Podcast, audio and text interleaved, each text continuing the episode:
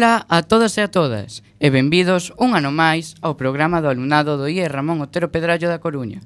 Un saúdo de parte de Irene Bodelón, Hola. Sara Teijeira, Hola. Aroa Orbi, Paula Gallego, Lidia Bodelón, Xavi Loureiro, Hola. David Guerra Hola. e eu, Daniel Rodríguez. Esta vez estamos aquí nada máis ni nada menos que para facer varias recomendacións para xente nova como nós. Que tipo de recomendacións? Como adolescentes que somos, aquí estamos para ter unha charla con vós.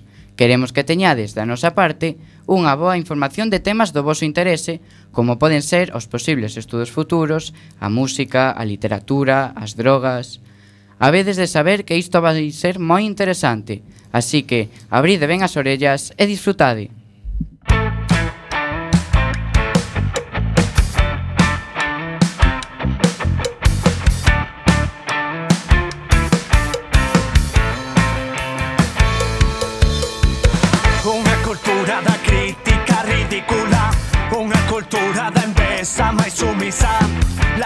progres gozan sendo fariseos. Na súa miseria, paletismo e postureo. Trátanos como tratan as aldeas. O caché dos de fora non os reateas Rimas incendiarias, non pirómanas Toma xa leis autoritarias, sociedade automata Cultura de base, deixa carrase, guau. Castelo rimando nunha base. Sube isto a tope que vas ver. Hola, esta sección tratará sobre as ramas profesionais dos estudos e as posibles saídas. Eh, vai estar conducida por nós, Xavier. Hola. Daniel. Hola. E máis eu, David. Antes de nada, boa tarde a todos e a todas. Hoxe explicaremos de forma simple como escoller correctamente os estudos que marcarán o vosso futuro profesional o cal é un tema moi recurrente ás nosas idades. Intentaremos expoñer de maneira amena os detalles máis importantes, tales como as optativas a escoller, os centros cercanos ou os posibles empregos. Neste caso, trataremos as tres ramas principais dos estudos. A orde será artes, letras e ciencias. Desta maneira, o principal será presentar estes estudos e as posibles saídas. Comezaremos pola especialidade das artes. Esta considerase a rama máis creativa, perfecta para as persoas que desexan expresar os seus pensamentos e sentimentos ao mundo. Se falamos da formación propia destes ciclos, as ramas artísticas divídense en ensinanzas profesionais e superiores, sendo estas últimas as máis adecuadas para exercer un emprego no mundo artístico. Unha vez explicada a materia, falaremos das optativas máis destacadas para o estudo artístico. Estas serían a cultura clásica, sobre todo para coñecer a historia das artes da antigüidade, plástica, artes escénicas ou música, dependendo da rama artística que queiramos abarcar, e, no caso dos estudos máis complexos, tales como arquitectura, recoméndase tamén o dibuxo técnico ou materias científicas como as matemáticas, a física... No caso dos bacharelatos, o recomendado sería, por suposto, un artístico ou, nalgúnas excepcións, un de ciencias. As carreiras que existen dentro desta rama son As artes escénicas, na que se inclúe o mundo cinematográfico e do teatro. As belas artes, que consiste principalmente na pintura e na escultura. O conservatorio, no cal se estuda o mundo da música, a fotografía, a arquitectura e a danza. Unha vez decidida a carreira, debemos encontrar un centro adecuado. Podemos optar por ir a estudar ao estranxeiro. Se escollemos esta opción, algunhas das mellores universidades son a de Sydney, en Australia, o Instituto de Artes de Chicago ou a Escola de Artes en Yale, en Estados Unidos, ou ben a Real Academia das Artes en Londres. Se pola contra queremos formarnos ben e sen sair de Galicia, as opcións que temos son Facultade de Belas Artes da Universidade de Vigo, a Escola de Arte Pablo Picasso en A Coruña, a Escola de Arte Ramón Falcón en Lugo, a Escola de Arte Antonio Fraile en Ourense ou a Escola de Arte Mestre Mateo en Santiago. No caso das carreiras no, no caso das carreiras de artes, as saídas máis habituais son directores de museo, críticos de arte, docentes de ensinanzas oficiais ou clases de escultura, pintura, de diferentes idades. Agora seguiremos pola rama de letras. Neste caso, este tipo de estudos busca a comprensión total de todas as expresións escritas existentes, así como poder realizalas, traducilas, recitalas, etc. Ademais disto, nestas carreiras a historia tamén está moi presente, xa que o coñecemento das obras literarias é moi valorado. Para estudar unha carreira de letras, débese cursar previamente un bacharelato de Ciencias Sociais e Humanidades. Dentro das carreiras dos estudos de letras, as máis frecuentes son o periodismo, a historia, as relacións públicas e publicidade, o dereito, a economía, a comunicación audiovisual ou a filoloxía. Unha vez decidida a carreira que queremos estudar, debemos atopar un centro adecuado. Podemos optar por ir a estudar ao estranxeiro. Se escollemos esta opción, Algunha das mellores universidades nas que estudar son a Universidade de Harvard ou Stanford en Estados Unidos ou as universidades de Oxford, Cambridge en Reino Unido. Mais, se desexamos estudar en Galiza, temos as universidades de Santiago de Compostela, a de Vigo ou a da Coruña. As carreiras de letras con máis saídas son Administración e Dirección de Empresas, Comercio, Marketing, Psicología, Pedagogía, Dereito, relacións laborais, recursos humanos, economía, relacións públicas e publicidade... No tocante á rama das ciencias, diremos que esta rama dos estudos considerase unha das máis complexas, debido á necesidade dos estudantes de posuir un amplo coñecemento matemático, ademais de lógica e gran agudeza mental. Segundo o seu carácter, as ciencias clasifícanse en ciencias fácticas, as cales se adican á observación de fenómenos naturais, Estas, ás vez, poden, a vez, poden agruparse en naturais, se observan fenómenos predicibles da natureza. Os sociais, se estudan fenómenos impredicibles como a mente humana. Outro tipo de ciencias maioritarias son as formais, as cales intentan comprender preguntas formuladas pola mente humana, polo que non se poden contrastar coa realidade. Recomendas estudar, por suposto, un bacharelato de ciencias puras ou mixtas para exercer esta rama dos estudos. Dentro das optativas máis adecuadas serían as matemáticas académicas, a bioloxía, a xeoloxía, a física, a química ou a tecnoloxía. Todo depende da ciencia escollida. O número de carreiras que pertencen á rama das ciencias é moi amplo, sendo estas as que anteriormente mencionamos, bioloxía, xeoloxía, física, química, enxeñería, medicina, matemática, son só unha, unha parte do conxunto, xa que, a súa vez, estas engloban a moitas outras que se especializan en moitos temas máis concretos. Se xa tedes decidido que queredes estudar unha carreira de ciencias, podedes escoller entre emprender unha aventura estudando no estranxeiro ou se queredes estudar en España. Se te decantas pola primeira opción, os mellores centros para ti serán o Instituto Tecnolóxico de Massachusetts, en Estados Unidos, a Universidade de California, tamén en Estados Unidos, e a Escola Politécnica de Zurich, en Suiza. Se pola contra preferides a segunda alternativa, os maiores centros para ti serán a Universidade Autónoma ou Complutense de Madrid, a de Barcelona ou a de Valencia. Pero se desexades estu estudar en Galicia, en función da carreira que pola que optemos, poderemos ir á Universidade de Santiago de Compostela, de Vigo ou a da Coruña. Pero se estudas unha carreira de ciencias, o máis importante é o traballo. Neste caso, eh, será especialmente doado a topar un emprego, sendo unha persoa titulada en Enxeñería Informática, Industrial, de Telecomunicacións, Medicina ou Biomedicina, Enfermería ou Enxeñería Mecánica. Isto foi todo pola nosa banda. Espereremos que o disfrutarades moito. Foi un placer compartir con vosco esta sección e agora escoitaremos a música de Nao e logo as miñas compañeiras falarán vos de música.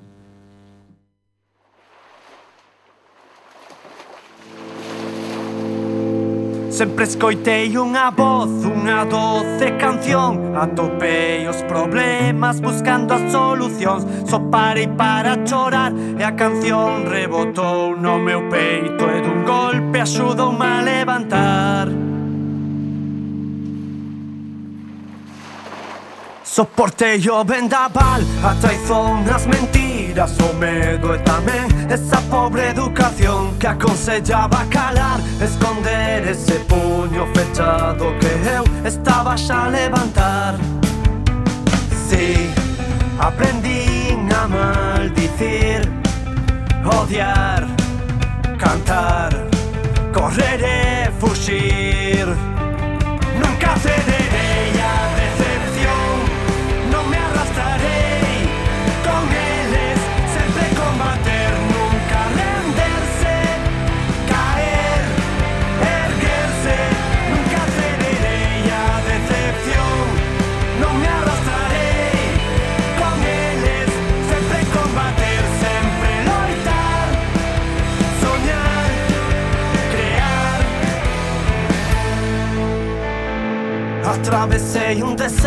Ponchín os baleiros o okay, coa demencia e pedinche perdón. Non fixen só o que quixen tamén o que puiden comprende que agora só me mova paixón. Quero explicar por que son, como son, o que sinto, o que penso Mais só se te o queres escoitar. Coñecerás esas voces segredas que alentan, encenden de cores a nosa rebelión.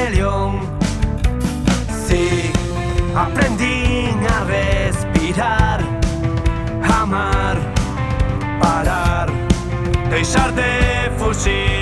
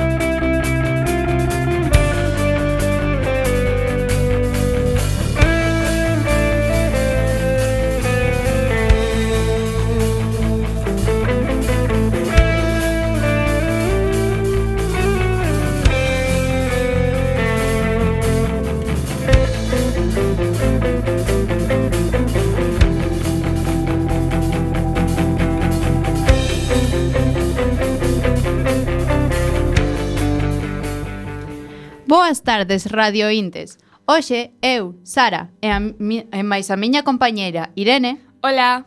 Imos falarvos dun tema que lle gusta moito a xente, xa que nos acompaña na vida cotiá. A música. Unha palabra que con só seis letras é capaz de transmitirnos moitísimas emocións. Imos tratar varios puntos. Comecemos con que tipo de música escoitan os adolescentes e a mocidade na actualidade. A influencia da música na sociedade é innegable. Estivo presente na historia da humanidade dende o principio da civilización, e incluso antes. Temos que analizar como influe a música nos xoves para comprender como será a evolución cultural da humanidade, polo menos nos seguintes 20 ou 30 anos. A nivel mundial, os xoves escoitan música electrónica. Consiste en música a base duns pratos e un DJ. Pop pode ser tanto en español como en francés, inglés ou incluso en galego. Rock Principalmente contan cunha guitarra, unha batería, un cantante e, sobre todo, un baixista. E reggaetón, teñen un timo constante, un ritmo constante e fan bailar a xente. Estes son os xéneros que, segundo MCIR, o 64% da población consume.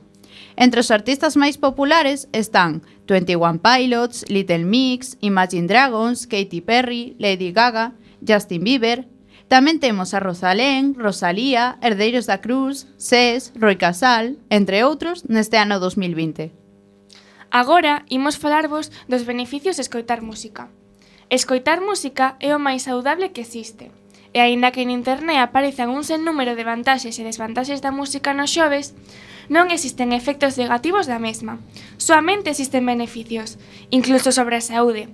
Desas cancións que nos enchen de paz e nos melloran como persoas incluso cando cremos que esas cancións son baleiras e sen ningún sentido. Todas as cancións van xerar un sentimento, aínda que sexa de rexeitamento. Agora enumerareivos os seus principais beneficios. A música reduce a presión arterial.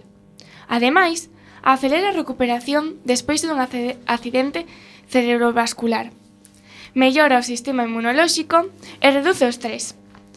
Aumenta o rendimento da memoria e da aprendizaxe. Tamén incrementa a concentración, mellora o movimento e a coordinación do corpo e evita a depresión. Cando as persoas inician un ataque de pánico ou ansiedade, o ideal, segundo un estudo, é escoitar a túa música favorita con audífonos. Desta maneira, poden aumentar as posibilidades de relaxarte, evitar ataques cardíacos ou accidentes cerebrovasculares. A continuación, falareivos dos xéneros musicais do momento. Neste momento, os xéneros musicais que escoitan os mozos son moi variados. Os xéneros musicais preferidos na actualidade, os que se entenden como os máis escoitados tendo en conta a cantidade de álbums vendidos, son pop, jazz, indie, reggaetón, pasando polo trap, a música electrónica. Segundo o estudo de MCIR 2018, o xénero pop segue sendo rei. Pero durante estes anos, novos xéneros como K-pop música coreana interpretada maiormente por grupos tanto masculinos como femininos, ou o trap, un xénero do rap que hai pouco empezou a estar de, moi de moda e gañaron moita popularidade. Agora fala, falarei vos dos grupos musicais máis influentes da historia da música. Os Beatles. Marcan a orixe da música pop, O cuarteto británico é coñecido xeración tras xeración e as súas cancións continúan sendo inmortais a día de hoxe. Simplemente non pasa de moda.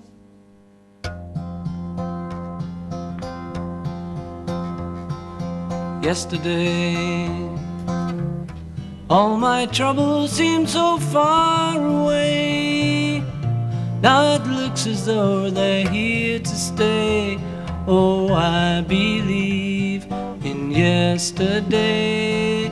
Suddenly, I'm not half the man I used to be. There's a shadow hanging. Queen.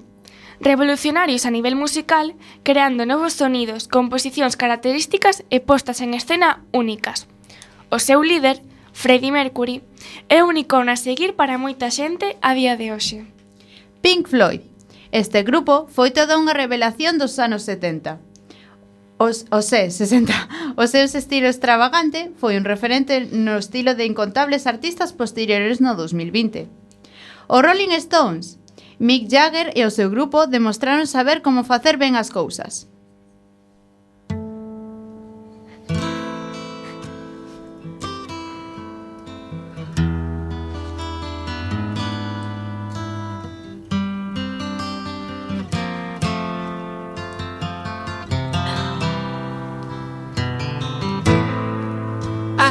ING. ING.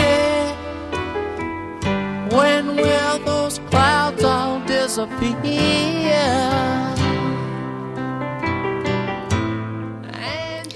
Led Zeppelin. A incansable guitarra de Jimmy Page fixo deste grupo un dos máis influentes do rock nos anos 70. ACDC, Malcolm e Angus Young e o seu icónico traxe de colexial. Os australianos imprescindibles. Aerosmith, unha das bandas que máis discos vendeu de todos os tempos. Un exemplo a seguir para moitos. Nirvana, non só son un referente na música, senón que Kurt Cobain foi considerado a voz dunha xeración.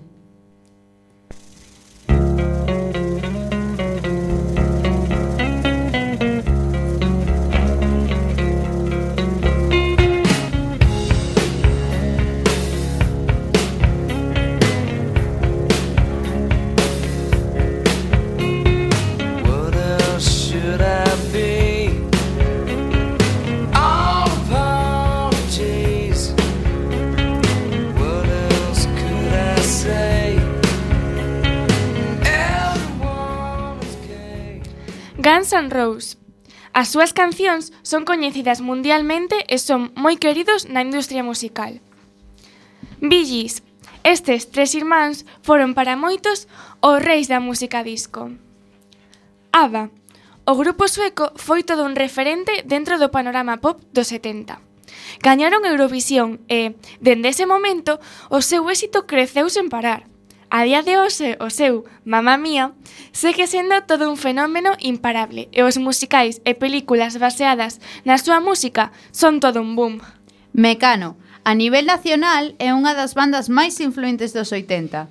Conseguiron o éxito internacional e son todo un icono da movida madrileña. E por último, os Backstreet Boys. Estes cinco rapaces conseguiron ser un dos grupos con maior número de ventas de copias na historia. Fenómeno adolescente, foron referencia de moitas persoas.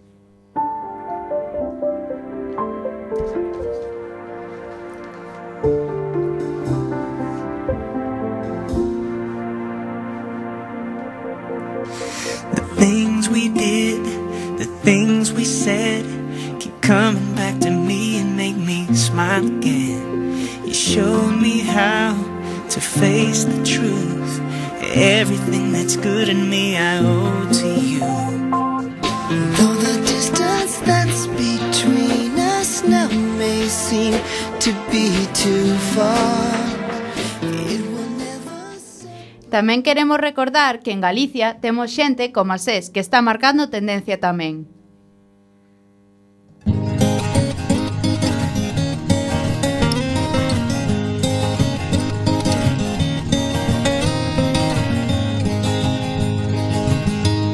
Con aire fresco de mar, curo feridas e loitos Que sexan poucas ou moitos e necesarios sanar. E vendo o mundo rodar, dando tumbos de vencido Dou por perdido, perdido, e recollo que quedou E co que me queda vou, seguindo meu percorrido. Para seguir camiñando fago noite na esperanza. Apoiome nas lembranzas e alimentome de sons.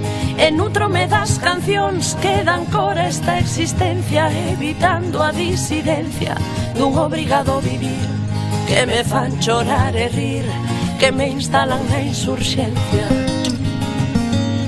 E quero bailar o ritmo do que vive ilusionado. El cabo do silenciado cantar quero con paixón. E a seguir, tamén falaremos das novas plataformas. A plataforma streaming é unha das principais ferramentas que máis influen no desenvolvemento da tecnoloxía actual.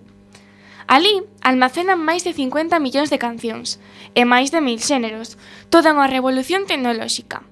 Grazas á plataforma streaming, podes escoitar música en calquera dispositivo, Un bo exemplo destas aplicacións é Spotify, unha aplicación que case toda a xente xove ten no móvil e que utiliza diariamente. O que se escoita cada vez máis tamén é música galega, xa que os galegos non perdemos o amor pola nosa música nin pola nosa lingua. Destacan artistas como Ses, Guadi Galego, Uxía, Nau, Roy Casal, Luarna Lubre, Milladoiro, Berrogueto, Susana Saibane, Cristina Pato, Os Resentidos, O Cadelo Lunático, Marful, Blues do País ou un dos nosos amigos, Xavier Díaz, a quen imos entrevistar a seguir.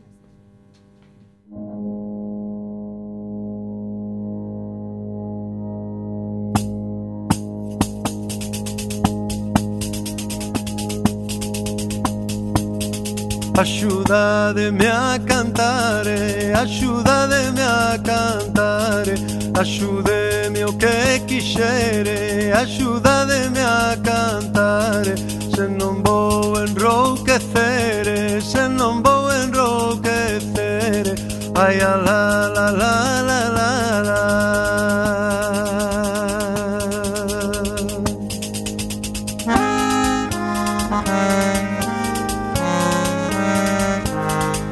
Esa bailadora que bonita é Debuxando voltas na punta do pé Na punta do pé, na punta do pé Esa bailadora que bonita é Baila de nenas, baila de Que o vosso bailar me alegra. Se o vosso bailar non fora non estaba nesta terra Logo cantas, logo bailas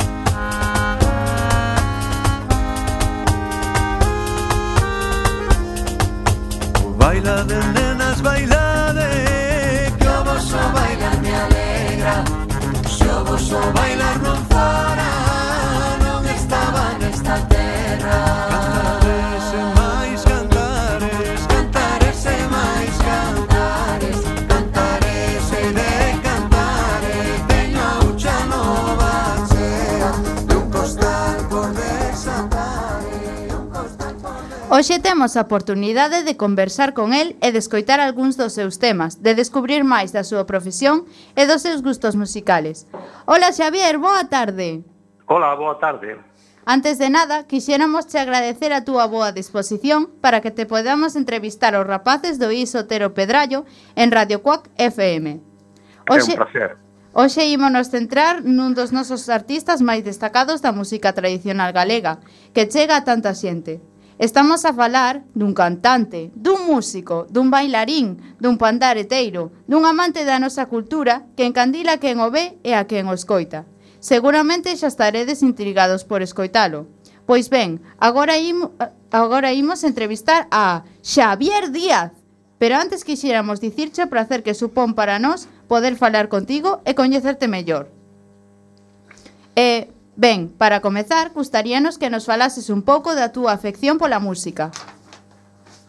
Bueno, a miña afición pola música ven de, de vello, de cando eu era un cativo. Eh, empecé a tocar a, a gaita cando tiña 11 anos, unha gaita que me mercou que mercou o meu avó eh, materno, que era moi aficionado á música tamén, e a partir dese contacto coa, pois coa gaita e coa música tradicional, pois, bueno, pois xa nunca deixei de, de, de participar en multitude de agrupacións folclóricas, eh, na, na, na Bisbarra de Ferrolterra, por exemplo, pero tamén na Coruña, en, en agrupacións como, como Xacarandaina, por poñer un exemplo, non?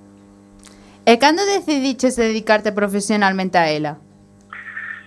Pois curiosamente cando estaba eh, cando estaba na no segundo de carreira na Universidade da Coruña, na Zapateira, estudando arquitectura técnica. Eh, ali foi onde me decatei eh, con unha certa nitidez que, bueno, que non teña ningún interés polo cálculo de vigas, nin a construcción, eh, e que si tiña moitísimo interés eh, pola música, que, que non me abandonaba cando eu estaba na aula magna da, da universidade, así que eh, curiosamente cando estaba de algún xeito enfiando o que ia ser a miña, a miña profesión ou a profesión da miña vida foi cando, cando decidín dar un, bueno, pues unha especie de xiro eh, inesperado e dedicarme profesionalmente á música. ¿sí? E por que te centraches na música tradicional habendo tantas alternativas? Eh, quizáis eh, eh, probablemente foi precisamente por ese primeiro contacto cando tiña cando tiña 11 anos. Eh, eh, foi por aí por donde por donde fixen contacto coa música tradicional. E despois outra cosa que foi eh, tremendamente reveladora para min foi cando tiña aproximadamente 19, 20 anos que empecé a ter os primeiros contactos nas aldeas co que nós damos en chamar informantes, que é a xente maior que todavía garda ese, bueno, a memoria de todo ese patrimonio material, das, das coplas de, de, de como eran os bailes algún día, e todo iso. Iso para mí foi unha especie de flechazo, un, un provocou nun, nun mozo urbanita un, bueno, pues un, unha tremenda emoción e, e, e eso resultou para min conmovedor de alguna maneira foi cando empecé a, a decatarme de, de que tiñamos unha identidade e unha maneira de facer música eh, moi diferenciada e que nada tiña que ver quizáis co que, co que na cidade eu vivía, non? Como foron os teus primeiros pasos? Tiveches moitos atrancos?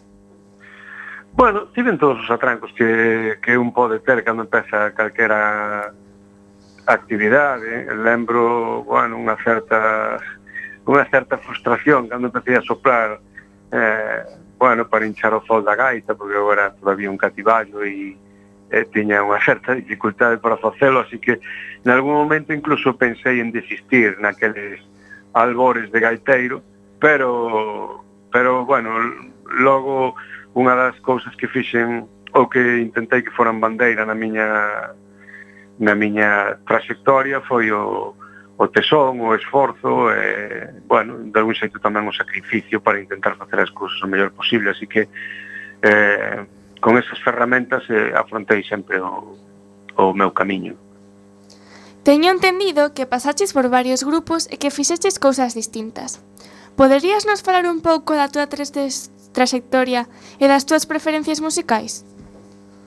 Bueno, como che, di, como, como che dixen antes, eh, Para min, eh, bueno, o contacto coa música tradicional empezou en, en agrupacións eh, culturais, eh, folclóricas, absolutamente amateurs, por suposto, na zona de Ferrolterra, concretamente no lugar no que eu vivía, en San Valentín, no Centro de Promoción Social, no que meu pai, por exemplo, era un, un, un home bueno, pois moi moi implicado e moi moi activo culturalmente.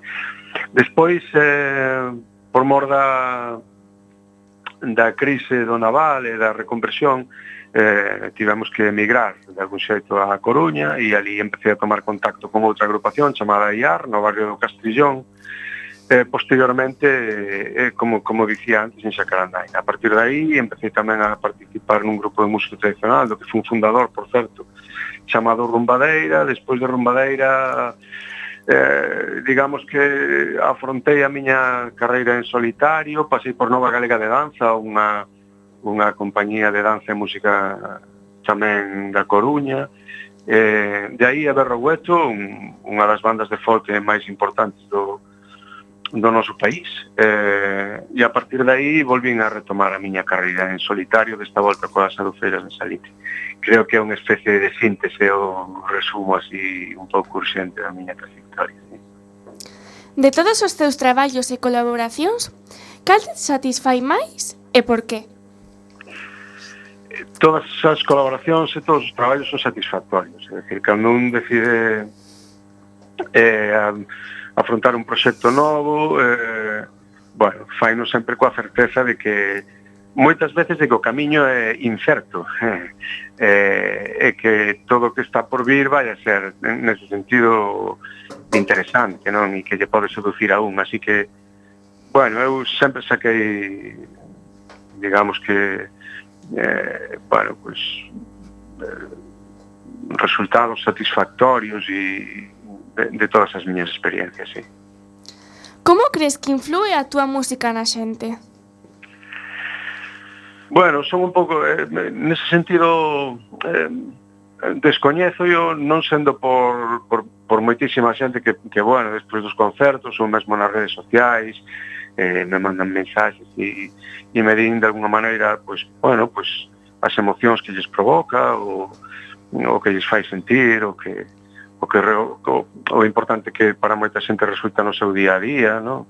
Eh, pero bueno, eu vivo un pouco a un, un sempre procura vivir a profesión un pouco a marxe de todo iso. Alégrame, non, que a miña música serva para eh, o que sexa de agrado para a xente e que, e, e que lle axude no seu día a día, pero pero bueno, un vive un pouco un pouco a marxe diso. Sabemos que formaches parte de varios grupos musicais, desde Rumbadeira, a Nova Galega de Danza, a Cada Canto, Berrogueto... En actualidade formas grupo con Adufeiras do Salitre. Por que tantos cambios e que che aporta este último grupo?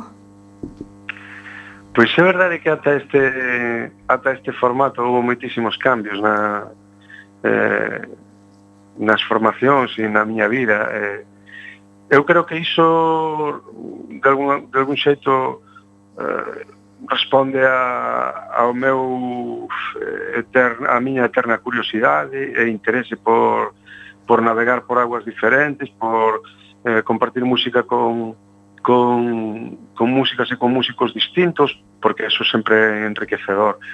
E con respecto a este último proxecto, quizáis porque, bueno, eh, este, este, este disco que vamos a sacarse agora en marzo vai a ser o terceiro disco coas Adufeiras de Salitre quizáis porque sempre porque houve unha faceta en min moi importante que foi a docente e ese formato de, de mulleres percusionistas cantando e acompañándose de percusión é un formato tremendamente familiar para min e síntome tremendamente cómodo facendo música con elas. Quizáis quizáis este sexa o formato e a proposta coa que máis me identifico de todas as que as que nas que teño participado. E para rematar, gustaríanos saber con cal das túas facetas de artistas te quedas, xa que te vimos cantar, bailar e tocar, e ademais colaboras con moitos grupos e asociacións, e case nunca deixas a túa pandeireta.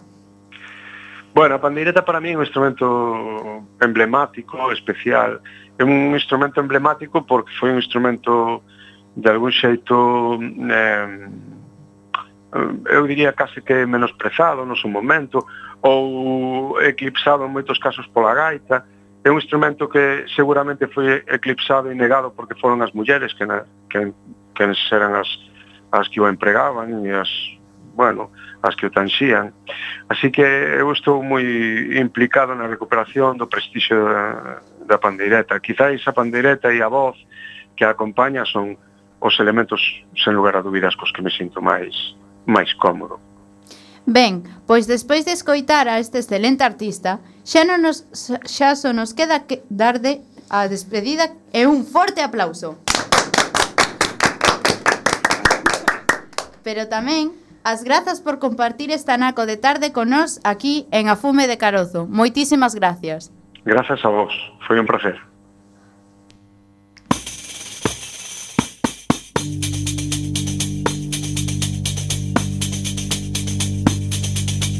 Esta que teño a meu lado Cante moito ou cante pouco. Ai cante moito ou cante pouco.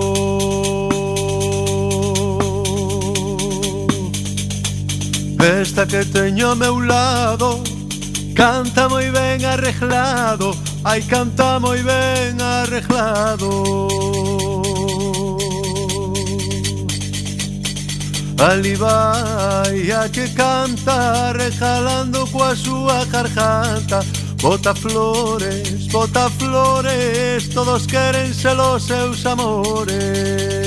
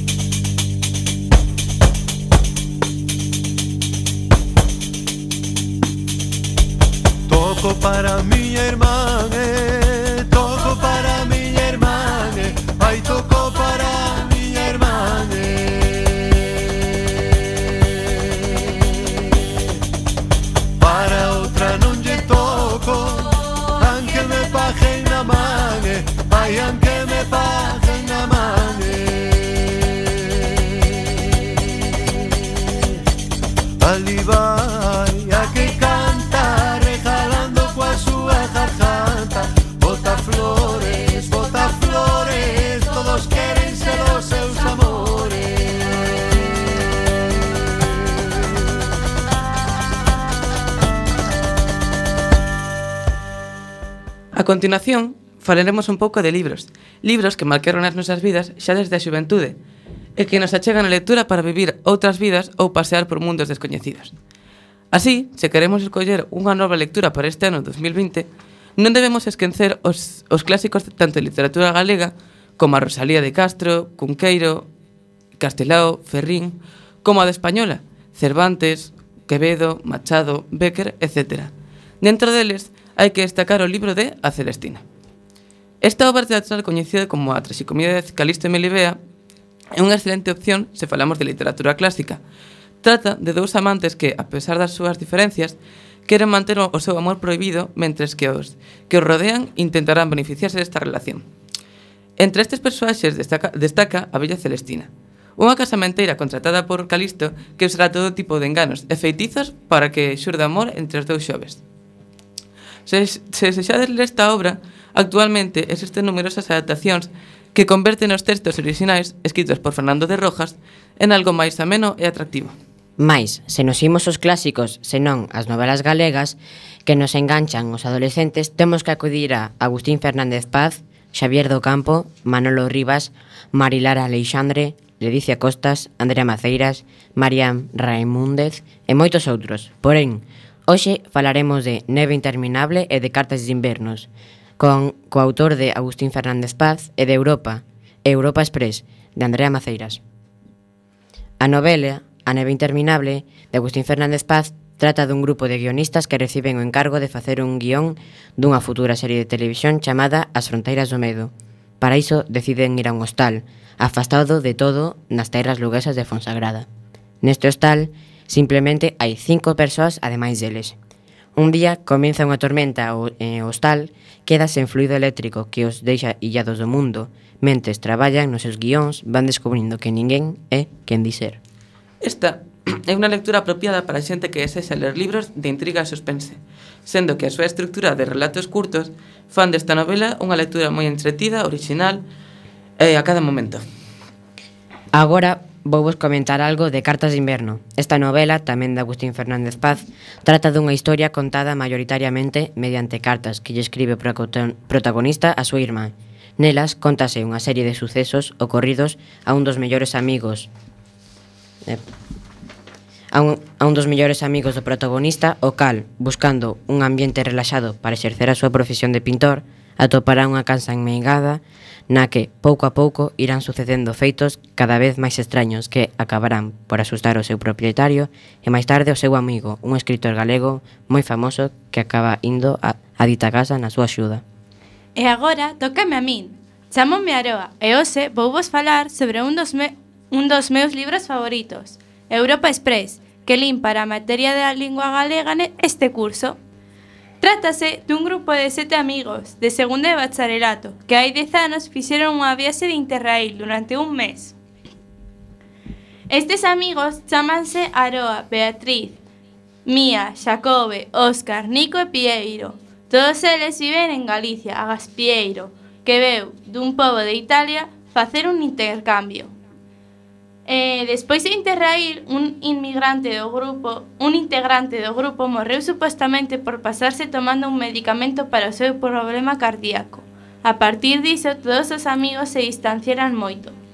Dez anos máis tarde, Nico encontra unha foto en Bergen, que lle causa moita impresión e moitas dúbidas daquela viaxe en tren que fixeran todos xuntos, e coa necesidade de seguir de dúbidas, Decide buscar os seus compañeiros Interrail para convidalos a unha, fe, a unha festa co fin de reencontrarse con todos e así ten unha noite moi especial. E iso permitiría que Nico aclarase unhas cantas preguntas que tiña que tiña. Porén, Aroa non quere revolver o pasado.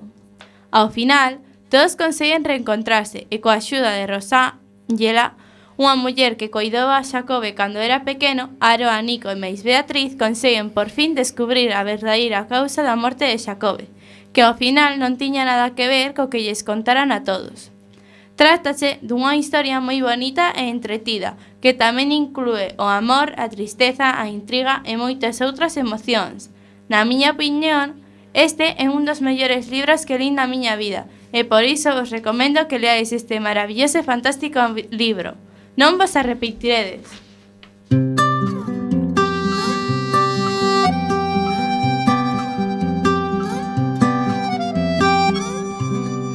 Daquelas que cantan As pombas e as flores Todos din que teñen alma De muller Pois eu que nas canto virxe da paloma. Ai, de que terei? Tal como as nubes que leva o vento E agora sombran e agora alegran Os espazos inmensos do céu así as ideas locas que eu teño As imaxes de múltiples formas Destranas feituras de cores incertos Agora sombra, agora clara. Ola, a continuación Lidia Hola. Aroa Hola. E máis eu, Paula, imos vos comentar algo sobre as drogas e os seus efectos, porque sabemos que é un tema de actualidade que preocupa moito aos xoves e ás súas familias. Esperamos axudarvos e que esta información se, vos sexa útil. O primeiro é que vamos explicar que son as drogas. Segundo a medicina, o término de droga refírese a unha sustancia con potencial para prever ou curar enfermidades, Porén, outros autores sinalan que droga é o término adecuado para referirse a unha sustancia usada sen fins terapéuticos, autoadministrada e con potencial de abuso ou dependencia. As drogas poden causar efectos negativos, en maior ou menor intensidade, adiccións e efectos secundarios. As máis consumidas no mundo son o alcohol, a nicotina e a cafeína. Para o público xeral, as sustancias estimulantes como a cocaína ou o cannabis son as sustancias habitualmente relacionadas co término de droga. Agora falareivos da clasificación de estas. As drogas clasifícanse en 13 tipos diferentes segundo os seus síntomas. As drogas de depresoras son aquelas que ralentizan a actividade do sistema nervioso central. Teñen a capacidade de dificultar a memoria ou producir somnolencia, por exemplo, o alcohol, a heroína ou a morfina. As drogas estimulantes producen melloras temporais de actividade neurolóxica ou física.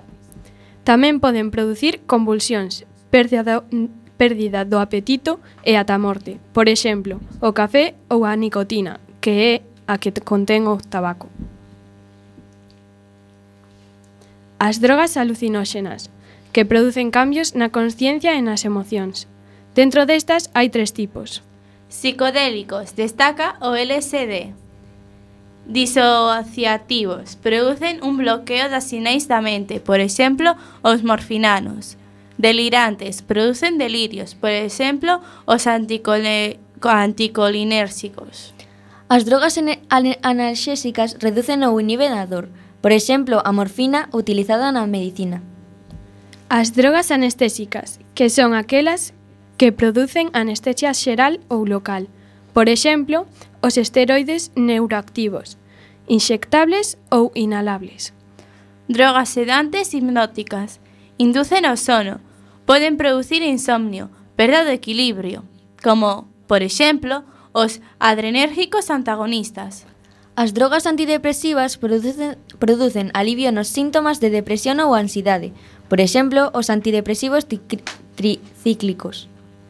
As drogas antiparkinsonianas, que son aquelas drogas que tratan os síntomas da enfermidade do Parkinson.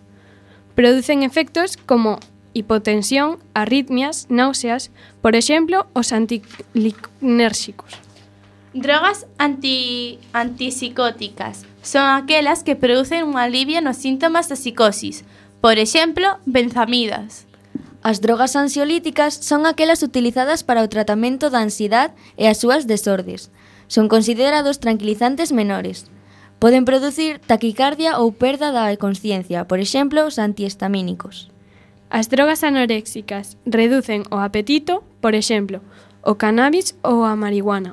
Drogas euforizantes inducen aos sentimentos de euforia. Os efectos poden incluir control o estrés, felicidade ou placer como por exemplo o hachís ou a marihuana. As drogas notrópicas incrementan as funcións mentais, como a memoria, a atención, etc.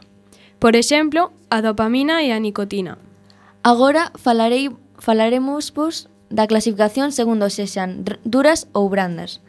A diferencia entre unha droga dura e unha droga blanda é que a dura causa adicción ou dependencia tanto física como psíquica mentras que a branda causa adicción ou dependencia a nivel só físico ou só psíquico. As drogas duras son a cocaína, a anfetamina, a heroína...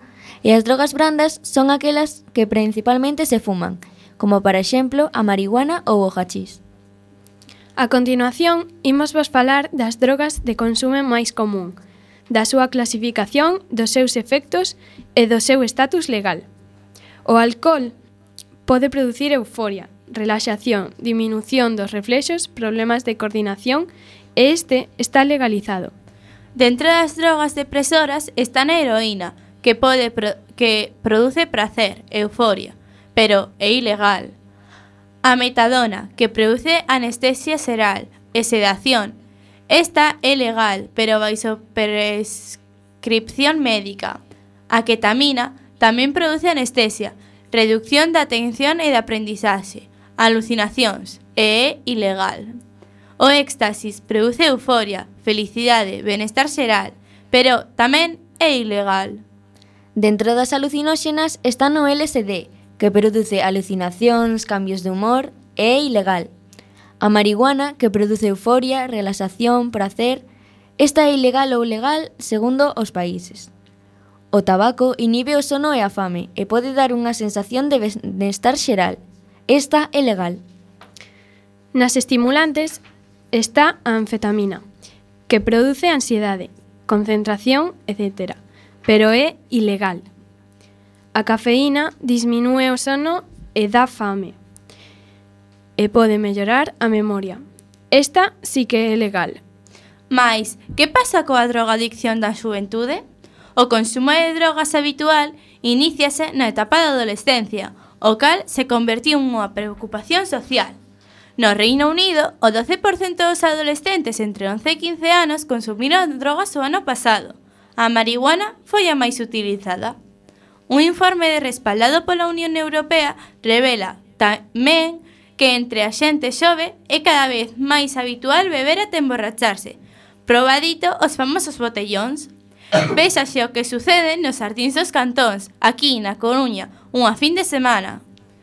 O uso de drogas na adolescencia é especialmente perxudicial, xa que é un período de transición no que teñen cambios de lugar corporais, afectivos, cognitivos e de relacións sociais.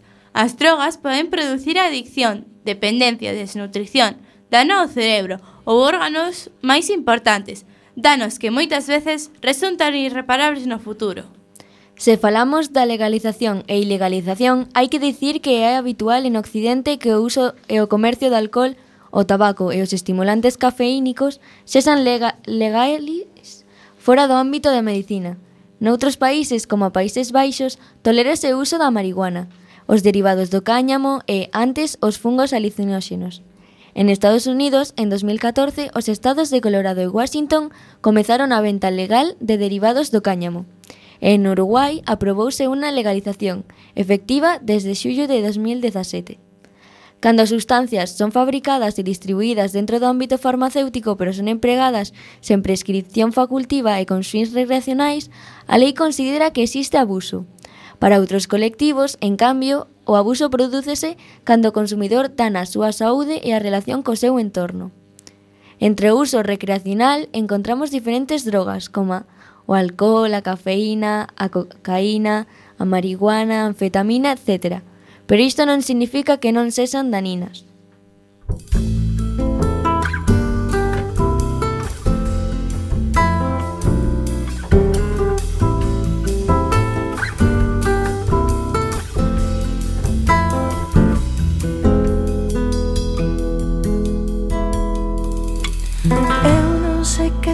nos ollos Que se me miras ti matas Matasme se pra min ris Matasme cuando me falas. Matasme se pra min ris Matasme cuando me falas. Meus ollos choran por verte Meu corazón por amarte meus pés por chegar a ti, meus braços por abraçar-te. Meus pés. Agora eu vou vos falar do tráfico de drogas en Galiza. O narcotráfico en Galicia está organizado por clans dedicados ao narcotransporte,